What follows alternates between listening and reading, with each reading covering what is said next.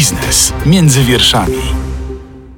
Agnieszka Zaręba, dzień dobry. Zastanowimy się dzisiaj, kto zyska na Polskim Ładzie 2.0. Czy składka ZUS musi być tak wysoka? Dlaczego nie opłaca się już zakładać działalności gospodarczej i jak wprowadzić w firmie legalną optymalizację? Na te pytania najlepiej odpowie autor bloga mistrzpodatków.pl i autor książki Jak oszczędzić na podatkach i nie podpaść fiskusowi. Dzisiaj gościem podcastu Biznes między wierszami jest doradca podatkowy, księgowy i specjalista do spraw rachunkowości Marek Golec. Witaj Marku. Dzień dobry. Jak często słyszysz od klientów pytanie, jak sobie poradzić z Polskim Ładem? Bardzo często słyszę to pytanie, kiedy Polski Ład miał wejść, czyli na przełomie roku. Lista osób, które chciało skorzystać z konsultacji była bardzo duża. Mówię o liście osób oczekujących. Ci, którzy już byli zapisani na konsultację, oni się zapisali z dużym wyprzedzeniem. W takim razie, kto tak realnie zyska na Polskim Ładzie 2.0? Paradoksalnie nie zyskają ci, do których rzekomo ten program jest kierowany skorzystają głównie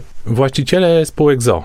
I tych dużych, i tych małych. Jeżeli chodzi o duże spółki ZO, które nie mają rozbudowanej struktury, mogą w łatwy sposób skorzystać ze zliberalizowanego estońskiego CIT. Chodzi o to, że w estońskim CIT podatek dochodowy od osób prawnych jest płacony dopiero w momencie wypłaty dywidendy. I stawka podwójnego opodatkowania jest bardzo atrakcyjna. W przypadku małych podmiotów jest to 20%, a w przypadku dużych podmiotów jest to 25%. W kolejnych latach można nawet tę stawkę zbić zupełnie legalnie do 18% w przypadku małych podatników, w przypadku dużych do 21%. Więc skorzystają te podmioty, jak również spółki, które rozliczają się na zasadach ogólnych, które płacą CIT według tej obniżonej stawki 9%, czyli mali podatnicy. Tutaj efektywny podatek z tytułu podwójnego opodatkowania wychodzi około 26%. Natomiast są legalne sposoby na to, żeby efektywny podatek z punktu widzenia wspólnika był niższy dzięki różnym interakcjom wspólników ze spółką, na przykład e,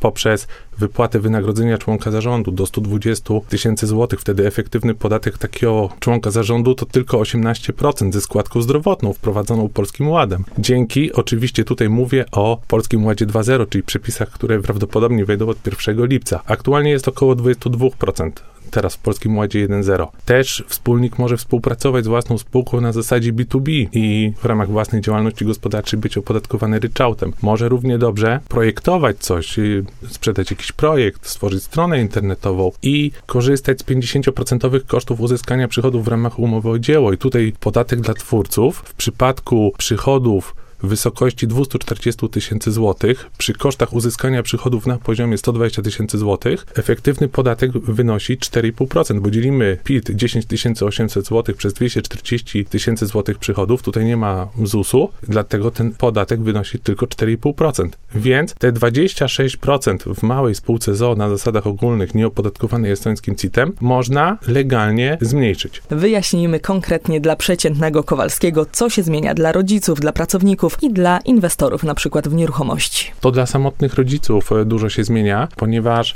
w Polskim Ładzie 1.0 zniesiono możliwość rozliczenia się wspólnie z dzieckiem w przypadku samotnego rodzica. W zamian zaproponowano ulgę polegającą na odliczeniu od podatku kwoty 1500 e, zł, co jest bardzo krzywdzące czy niekorzystne dla wielu samotnych rodziców. W związku z tym w Polskim Ładzie 2.0, w tym projekcie ustawy nowelizującej, przewiduje się możliwość powrotu do wspólnego rozliczenia z dzieckiem w przypadku samotnego rodzica, ale znowu tutaj jest kontrowersja. Aktualnie projekt jest w Senacie i nawet e, ostatnio zapoznałem się z opinią Rzecznika Praw Obywatelskich e, zaadresowaną do marszałka Senatu w tej sprawie. Postulaty są takie, żeby przywrócić na dotychczasowych zasadach przy zastosowaniu nowej skali podatkowej możliwość wspólnego rozliczenia się z dzieckiem. Czyli żeby taki samotny rodzic miał dwie kwoty wolne od podatku, a proponuje się półtorej kwoty wolnej, czyli 45 tysięcy, a nie 60 tysięcy. Niektórzy samotni rodzice wyjdą na tym niekorzystniej w stosunku do 2021 roku. To teraz kolejny krok. Co się zmienia dla pracowników, dla osób zatrudnionych? Małe kilkaset złotych miesięcznie korzyści nominalnej. Ponieważ y, pomimo obniżki PIT-u z 17 na 12%, co wydaje się dużo, to ta obniżka podatków nie będzie duża, bo pracownicy, jak i przedsiębiorcy opodatkowani według skali podatkowej mogli korzystać z tak zwanej ulgi dla klasy średniej, czy nadal jeszcze mogą, bo ten stan prawny obowiązuje. Z jednej strony obniża się PIT z 17 do 12%, z drugiej strony uchyla się ulgę dla klasy średniej, więc dlatego te korzyści są bardzo małe. Ale powtarzam, te korzyści są w ujęciu nominalnym, a nie w ujęciu realnym. Niedawno ogłoszono, że y, wskaźnik inflacji wynosi 13,9% już. To jest ta inflacja CPI, a realna inflacja pewnie jest jeszcze wyższa. Więc przy tak wysokim wzroście cen, pracownicy, którzy zyskują nominalnie na podatkach małe kilkaset złotych, w ujęciu realnym tracą. A jak wygląda sytuacja, jeżeli chodzi o inwestorów indywidualnych, na przykład inwestorów w nieruchomości? Chyba nie wszyscy są zadowoleni z tych zmian, które wprowadza Polski Ład. Tak, rzeczywiście osoby, które nabywały mieszkania na wynajem, między innymi też dlatego, żeby chronić się przed wysoką inflacją, one bardzo stracą. Polski Ład jest bardzo niekorzystny dla osób, które wynajmują nieruchomości i które uciekają przed inflacją z kapitałem właśnie inwestując w nieruchomości na wynajem, ponieważ od 2022 roku, czy w przypadku nieruchomości mieszkalnych nabytych już w 2022 roku nie można ich amortyzować. Od 2023 roku nie będzie można w ogóle amortyzować nieruchomości mieszkalnych, więc osoby, które wynajmują nieruchomości, bardzo na tym stracą. I też jeszcze jest bardzo ważna zmiana w Polskim Ładzie. Ci, którzy rozliczali się w ramach najmu prywatnego na zasadach ogólnych, nie będą mogli tego robić od 2023 roku. I wielu doradców podatkowych jest zdania, że zmienianie reguł w trakcie gry, czyli odebranie amortyzacji, jest sprzeczne z konstytucyjną zasadą ochrony praw nabytych. Jeżeli ktoś już nabył nieruchomość przed Polskim Ładem, amortyzował ją i od 2023 roku nie będzie mógł tego robić, to jest to sprzeczne z konstytucyjną zasadą ochrony praw nabytych. On powinien mieć możliwość dokończenia tej amortyzacji. Są jeszcze takie dwie kluczowe zmiany Polskiego Ładu 2.0. To obniżenie z 17 do 12% stawki podatku dochodowego w pierwszym przedziale skali podatkowej. I tutaj pytanie, kto na tym zyska i czy ta obniżka PIT z 17 do 12% oznacza rzeczywiście niskie podatki? A druga to uchylenie ulgi dla klasy średniej, ale może najpierw e, zatrzymajmy się przy tym podatku dochodowym. To część osób e, mało skorzysta, a część osób bardzo skorzysta. Mało skorzystają te osoby, dla których miała zastosowanie ulga dla klasy średniej, czyli pracownicy i przedsiębiorcy opodatkowani skalą podatkową. Oni w małym stopniu odczują tę zmianę i znowu powtarzam w ujęciu nominalnym. Natomiast osoby, których nie dotyczyła ta ulga dla klasy średniej, czyli na przykład członkowie zarządu, prokurenci, udziałowcy, którzy wykonują powtarzające się świadczenia niepieniężne na rzecz y, spółki na podstawie artykułu 176 kodeksu spółek handlowych, czy twórcy, którzy mogą korzystać z 50% kosztów uzyskania przychodów, oni bardzo zyskają z tej obniżki z 17 na 12%.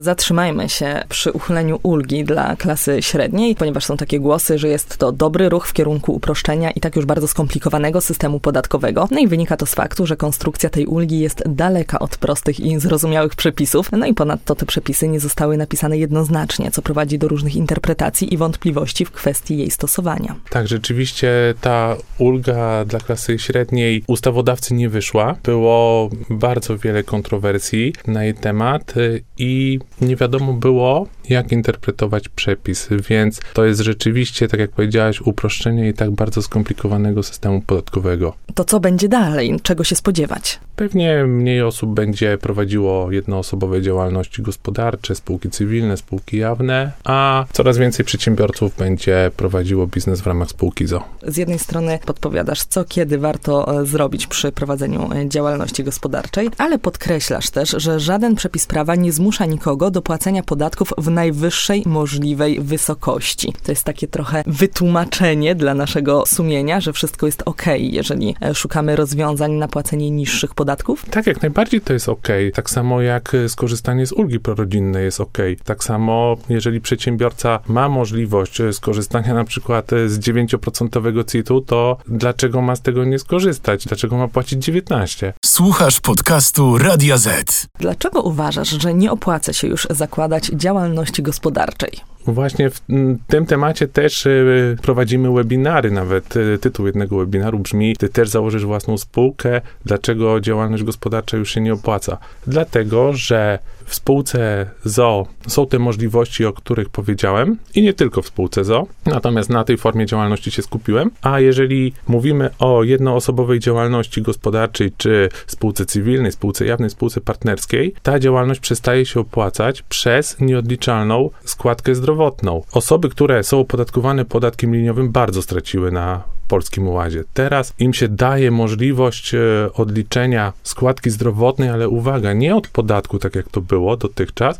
tylko od dochodu w kwocie do 8700 zł. Czyli taki przedsiębiorca na podatku liniowym zyska tylko 140 zł miesięcznie na tym Polskim Ładzie 2.0 w stosunku do Polskiego Ładu 1.0, ale bardzo i tak jest stratny w stosunku do 2021 roku. W przypadku ryczałtowców jest podobnie. Ze względu na wyższą i nieodliczalną składkę zdrowotną, ryczałtowcy niestety tracą na Polskim Ładzie. Daje im się możliwość odliczenia 50% składki zdrowotnej. To odliczenie też nie będzie od podatku, tylko od przychodu. I tutaj liczyłem, że taki przedsiębiorca miesięcznie, jeżeli jest opodatkowany według wysokiej stawki 15% ryczałtu i ma przychody w przedziale 60-300 tysięcy złotych rocznie, to on zyska około 42 zł miesięcznie, więc bardzo Polski Ład przyczynił się do tego, że przedsiębiorcy rozliczający się na podatku liniowym i ryczałtem mają wyższe podatki. Ja wiem, że składka zdrowotna nie jest podatkiem, ale jest tym samym co podatek, jest daniną publiczną, więc suma obciążeń jest dużo wyższa w przypadku tych przedsiębiorców. Jeżeli jest osoba, która myśli teraz o przejściu z etatu na własną działalność gospodarczą, a właściwie myśli sobie, dobrze, nie chcę już być zatrudniony oficjalnie w firmie, chcę być sam sobie sterem, żeglarzem, okrętem, e, może to jest dobry pomysł, słucha w tym celu podcastu Biznes między wierszami i słyszy nagle, że ale halo, już się nie opłaca zakładać działalności gospodarczej. Co powinna zrobić taka osoba, która stawia pierwsze kroki w biznesie? Mimo wszystko, w stosunku do umowy o pracę, jednoosobowa działalność gospodarcza nadal jest atrakcyjna, ponieważ klin podatkowy, czyli podatki na pierwszym poziomie opodatkowania, tych poziomów jest trzy, czyli pierwszy poziom opodatkowania to podatki dochodowe i ZUS, wynoszą w przypadku pracownika od około 40% do około 45%. A w przypadku działalności gospodarczej, nawet w Polskim Ładzie, ta suma obciążeń czy efektywny podatek w przypadku jednoosobowych przedsiębiorców jest niższa, ale zazwyczaj nie jest tak niska już w Polskim Ładzie przez nieodliczalną składkę zdrowotną i dużo wyższą niż dotychczas. Ta działalność gospodarcza nie jest aż tak atrakcyjna, jak może być atrakcyjna spółka ZO. W takim razie co ze składkami ZUS? Poświęciłeś im cały rozdział w swojej książce, pytając, czy składka na ZUS musi być tak wysoka, więc ja powtarzam to pytanie. Składkę ZUS y, podzielmy na dwie grupy na składki na ubezpieczenie zdrowotne i składki na ubezpieczenie społeczne. Jeżeli prowadzimy jednoosobową działalność gospodarczą, to składka zdrowotna, ona jest już bardzo wysoka. U ryczałtowców ona zazwyczaj jest niższa niż w przypadku podatników, którzy rozliczają się podatkiem liniowym albo według skali podatkowej. Natomiast no, tutaj nie ma dużego pola do optymalizacji, chyba że ktoś założy spółkę ZO i będzie prowadził biznes właśnie w formie spółki ZO. Tam ZUS-u z tytułu bycia udziałowcem takiej spółki nie ma. Natomiast jeżeli chodzi o składki społeczne, to sam prawodawca, ustawodawca daje możliwość płacenia niskich składek na początku prowadzenia firmy. Przez pierwsze 6 pełnych miesięcy, czyli 7 niepełnych, bo jeżeli ktoś założy drugiego dnia miesiąca działalność gospodarczą, to de facto przez 7 miesięcy będzie płacił tylko składkę zdrowotną, bo będzie korzystał z ulgi na start. Jeżeli przez 5 y, ostatnich lat nie prowadził działalności gospodarczej nie świadczy usług na rzecz obecnego i byłego pracodawcy. Następnie przez 24 miesiące będzie płacił preferencyjny ZUS, bardzo niskie składki społeczne a później po 30 albo 31 miesiącach będzie, jeżeli będzie spełniał kryteria, mógł skorzystać przez 3 lata z małego ZUS Plus i płacić wyższe składki niż preferencyjne, ale niższe niż pełne. Jeżeli nie spełnia kryteriów, to będzie płacił pełne składki. Natomiast jeżeli ktoś ma zbieg tytułów do ubezpieczeń, na przykład gdzieś jest zatrudniony na umowę o pracę albo pobiera emeryturę, to wtedy składek społecznych nie będzie płacił. Słuchasz podcastu Radia Z. Tłumaczysz, którzy przedsiębiorcy muszą płacić ZUS, a którzy nie. Czy możemy to tutaj dokładnie wyjaśnić? Osoby prowadzące jednoosobową działalność gospodarczą, wspólnicy spółek cywilnych, jawnych, partnerskich, jak najbardziej muszą płacić ZUS. Udziałowcy spółek z ograniczoną odpowiedzialnością nie płacą ZUS-u, tak samo akcjonariusze prostych spółek akcyjnych i akcyjnych. Co do spółek komandytowych i komandytowo-akcyjnych, w komandytowej jest pełny ZUS, w komandytowo-akcyjnej nie ma ZUS-u, ale uwaga, właśnie ten Polski Ład 2.0 wprowadza obowiązek płacenia pełnego ZUS-u dla komplementariuszy modnych tym roku spółek komandytowo-akcyjnych, więc będzie tutaj zryczałtowana składka zdrowotna i będą pełne składki społeczne, o ile taki komplementariusz nie ma zbiegu tytułu do ubezpieczeń. Zwracasz także uwagę na pewne niuanse, na pewne kruczki i warto w tym miejscu wspomnieć, że od 2022 roku osoby, które pełnią swoje funkcje w spółkach na podstawie aktu powołania, na przykład członkowie zarządu, prokurenci, podlegają ubezpieczeniu zdrowotnemu z tego tytułu. Wysokość składek wynosi 9% kwoty wynagrodzenia, ale tutaj też widzisz pewne możliwości, zgadza się? Tak, y, członkowie zarządu rzeczywiście są objęci składką zdrowotną 9%, natomiast y, efektywny podatek takiego członka zarządu, który pobiera wynagrodzenie, nie musi być duży. Efektywny podatek, czyli PIT plus ZUS, bo jeżeli otrzyma wynagrodzenie w kwocie 120 tysięcy złotych. Pomijam tutaj kwestię kosztów uzyskania przychodów, które rocznie mogą wynieść 3000 złotych. Efektywny podatek PIT plus ZUS to 18% w Polskim Ładzie 2.0. Teraz jest to około 22%. Natomiast trzeba bardzo uważać tutaj, bo jeżeli ktoś pobiera takie wynagrodzenie i gdzieś jest zatrudniony na przykład na umowę o pracę albo ma inne dochody opodatkowane według skali podatkowej, to musi to na poziomie zeznania rocznego sumuje i może mieć niemiłą niespodziankę i bardzo dużą dopłatę podatku, bo wtedy wskoczy na próg, y, czy do tego przedziału 32%. Co do prokurentów, mm, jest to przepis kontrowersyjny, nie wynika, chociaż ZUS twierdzi, że wynika to z przepisów, że prokurent powinien płacić składkę zdrowotną w 2022 roku. Różnie to przedsiębiorcy, prawnicy, doradcy podatkowi interpretują. Są zdania, że ta składka zdrowotna w 2022 roku jest nienależna od wynagrodzenia prokurentów, natomiast to zostaje zostanie uściślone w tym Polskim Ładzie 2.0 i od 2023 roku nie będzie wątpliwości co do tego, że prokurent podlega składce zdrowotnej. I tutaj mówię, że to jest atrakcyjne wynagrodzenie, czy atrakcyjny poziom opodatkowania w przypadku tych wynagrodzeń. Natomiast jeżeli taki prokurent czy członek zarządu będzie otrzymał wynagrodzenie ponad 120 tysięcy złotych, to opodatkowanie od nadwyżki jest bardzo wysokie, aż 41%, bo 32% PIT-u i 9% składki zdrowotnej. I tutaj Polski Ład w przypadku tych członków zarządu i prokurentów, którzy pobierają wysokie wynagrodzenia, jest bardzo niekorzystny. Skupiamy się na tym dzisiaj, jak sprawić, żeby podatki były mniej bolesne dla polskich przedsiębiorców, ale jest wielu właścicieli małych firm, którzy zarejestrowali się jako czynni podatnicy VAT, pomimo że nie mieli takiego obowiązku ze względu na niewysokie obroty. No i tacy przedsiębiorcy często też ponoszą niewielkie wydatki, w związku z czym kwoty odliczeń podatku naliczonego bywają u nich znikome. Dopiero po kilku latach przedsiębiorcy ci uświadamiają sobie, że w ciągu ciągu kilku lat z powodu podjęcia tej decyzji niepotrzebnie odprowadzili do fiskusa kilkadziesiąt lub nawet ponad 100 tysięcy złotych podatku od towarów i usług. Jak tego uniknąć? Czy są jakieś złote rady? Wystarczy wiedza na ten temat, że jest w VAT-ie coś takiego jak zwolnienie podmiotowe, czyli zwolnienie ze względu na obrót do 200 tysięcy złotych rocznie. W pierwszym roku ten limit liczy się proporcjonalnie. Tu chodzi o takich przedsiębiorców, którzy świadczą swoje usługi albo sprzedają towary konsumentom, a konsument patrzy na cenę czyli na kwotę brutto. On sobie VAT-u nie odliczy. W związku z tym, jak świadczymy usługi przedsiębiorcom, a oni są czynnymi podatnikami VAT, to możemy się umówić na kwotę netto. Wtedy, jak jesteśmy czynnymi podatnikami VAT, wystawiamy fakturę na przykład na 10 tysięcy złotych plus VAT, czyli brutto na 12 300. Te 2300 VAT-u firma sobie odlicza i jest to neutralne, ale neutralności nie ma w przypadku sprzedaży na rzecz konsumenta. Jak konsument ma zapłacić 1000 zł, a mu powiemy, słuchaj, ja jestem watowcem, w związku z tym to będzie 1230, to on pójdzie najprawdopodobniej do konkurencji. W związku z tym, jak konsument płaci, czy dokonuje swojej decyzji zakupowej przez pryzmat kwoty brutto i mu sprzedajemy coś za 1000 zł, to naszym przychodem nie będzie 1000 zł, tylko bodajże 813, jeżeli stawka VAT wynosi 23%. I jeżeli taka osoba ma roczny obrót 100-150 tysięcy złotych i jest nieświadoma tego, że może skorzystać ze zwolnienia, czyli osiągać przy każdej transakcji przychód kwocie 1000 zł, a nie 800 zł, to przez 5 lat może się nawet 100 tysięcy uzbierać. Kolejnym podatkiem, na który czasami narzekają przedsiębiorcy, jest podatek dochodowy. Jak legalnie obniżyć zaliczki na podatek dochodowy? Zaliczki na podatek dochodowy możemy obniżyć dzięki zaliczkom uproszczonym i płacić je w niskiej wysokości, o ile dwa albo trzy lata temu mieliśmy niski dochód, natomiast jeżeli mieliśmy wysoki dochód, a w tym roku będziemy mieli niższy, czy szacujemy, że będzie niższy, to wybór zaliczek uproszczonych może się nie opłacać, bo będziemy płacili wysokie zaliczki.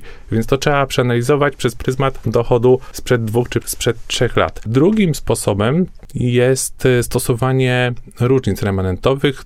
To ma zastosowanie w przypadku osób prowadzących jednoosobowe działalności gospodarcze, spółki cywilne, spółki jawne, które zajmują się działalnością handlową. I dzięki stosowaniu tych różnic remanentowych możemy w ciągu roku obniżyć bardzo wysoko, w bardzo dużym stopniu zaliczki na podatek dochodowy. Istnieje też e, takie przekonanie, według którego przedsiębiorcy prowadzący podatkową księgę przychodów i rozchodów nie powinni kupować towarów pod koniec roku. Czy to jest mit? Tak, to jest mit. Wystarczy zrozumieć różnicę remanentowe i odpowiednio je zastosować. Wtedy, wtedy nie będzie takiej niespodzianki, że na początku przyszłego roku jest bardzo wysoka zaliczka do zapłaty. Teoretycznie brzmi prosto, a w praktyce? W praktyce trzeba zrozumieć te różnice remanentowe. Dobrze by było, żeby przedsiębiorca też je rozumiał, nie tylko księgowy i doradca podatkowy. I jak się je już rozumie, to to jest proste. To może jakaś podpowiedź? Podpowiedź jest taka, żeby remanent końcowy przy tym dodatkowym spisie z natury, bo spis z natury można z, y, zrobić również w ciągu ciągu roku obowiązkowo trzeba zrobić między innymi na 31 grudnia, a jeżeli robimy dodatkowy spis natury na koniec któregoś miesiąca w trakcie roku podatkowego, to warto, żeby wartość remanentu końcowego była niższa od wartości remanentu początkowego. Słuchasz podcastu Radia Z. Czy wakacje kredytowe, o których mówi premier, to w takim razie dobry pomysł dla polskiej gospodarki i dla polskich przedsiębiorców? Jest to bardzo kontrowersyjne zagadnienie, ponieważ y, rzeczywiście wiele osób, które mm, zaciągnęły kredyty, mają teraz trudności ze spłatą rat. Ale to też wynika ze złej polityki Narodowego Banku Polskiego, który z opóźnieniem podwyższał stopy. Niestety te decyzje o opóźnionym podwyższaniu stóp procentowych skutkują tym, że teraz e, mamy kłopot na pewno to przyczyni się do wzrostu inflacji. I właśnie mm, jak e, pytałaś o to, kto zyska na Polskim Ładzie, to teraz powiem, kto mm, straci, a że komu zyskuje. Osoby, które są zatrudnione na umowę o pracę i osiągają dochody, już w tym Polskim Ładzie 2.0 będą osiągali do 16 500 zł, oni w ujęciu nominalnym zyskają na Polskim Ładzie, a to jest ujęcie nominalne. Od 100 do 350 zł około. Ale przez inflację, która jest spowodowana między innymi Polskim Ładem, siła nabywcza ich pieniędzy spadnie więc oni też stracą. Kontrowersyjne bywa także określenie legalnej optymalizacji. Porozmawiajmy chwilę o etyce w księgowości. Czy legalna optymalizacja to to samo co agresywna optymalizacja podatkowa? Czym różnią się tak naprawdę w praktyce między sobą te dwa pojęcia? Tak, to jest pewne uproszczenie, bo nie ma czegoś takiego jak legalna optymalizacja podatkowa, pomimo że ja się posiłkuję takim sformułowaniem, żeby pisać prostym językiem. Natomiast optymalizacja sama w sobie jest legalna. Mamy trzy pojęcia: optymalizacja podatkowa, unikanie opodatkowania i uchylanie się przed opodatkowaniem. Więc optymalizacja polega na tym, że znamy przepisy i stosujemy je w sposób naturalny, nie w sposób sztuczny. Natomiast uchylanie się od e, opodatkowania jest już e, omijaniem prawa. Tutaj ma zastosowanie klauzula przeciwko unikaniu opodatkowania. Polega to na tym, że jakaś czynność jest sztuczna po to tylko, żebyśmy nie zapłacili podatku albo zapłacili niższy podatek. I to jest nazywane właśnie agresywną optymalizacją podatkową, takie unikanie opodatkowania. A sama optymalizacja nazywana jest często dla podkreślenia, że jest to legalne, ponieważ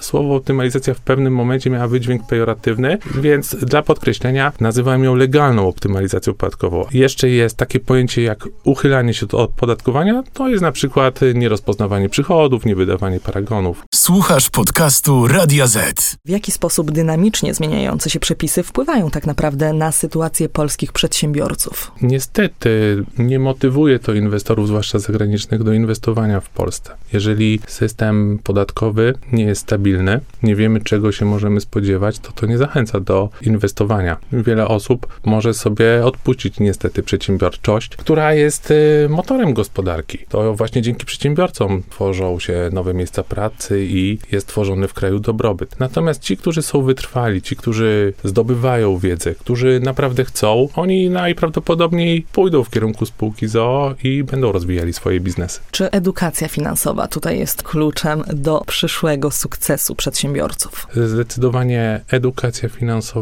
edukacja biznesowa, edukacja podatkowa jest podstawą do tego, żeby w Polsce prowadzić działalność gospodarczą. To w takim razie, jeżeli możesz, to uchyl trochę rąbka tajemnicy, zdrać nam, jak nie podpaść fiskusowi, na co przede wszystkim zwracać uwagę. Przede wszystkim trzeba postępować zgodnie z przepisami. Chodzi o to, żeby nie było sztuczności, żeby nie kierować się tylko korzyścią podatkową, żeby to też miało uzasadnienie ekonomiczne, a nie tylko korzyść podatkową. Razem z moim wspólnikiem Grzegorzem Grabowskim organizujemy bardzo dużo webinarów. Też napisałem książkę, jak oszczędzić na podatkach i nie podpaść fiskusowi, więc e, jak najbardziej najłatwiej znaleźć mnie na blogu mistrzpodatków.pl.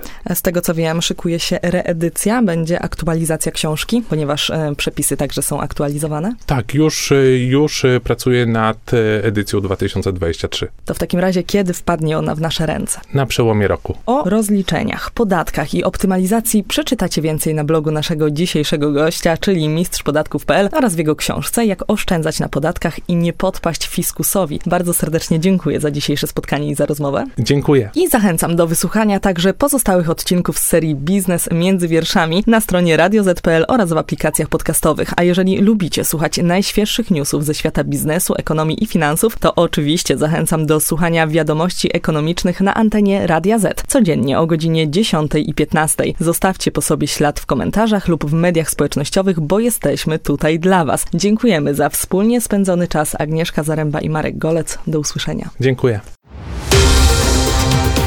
Biznes między wierszami. Więcej podcastów na player radioz.pl.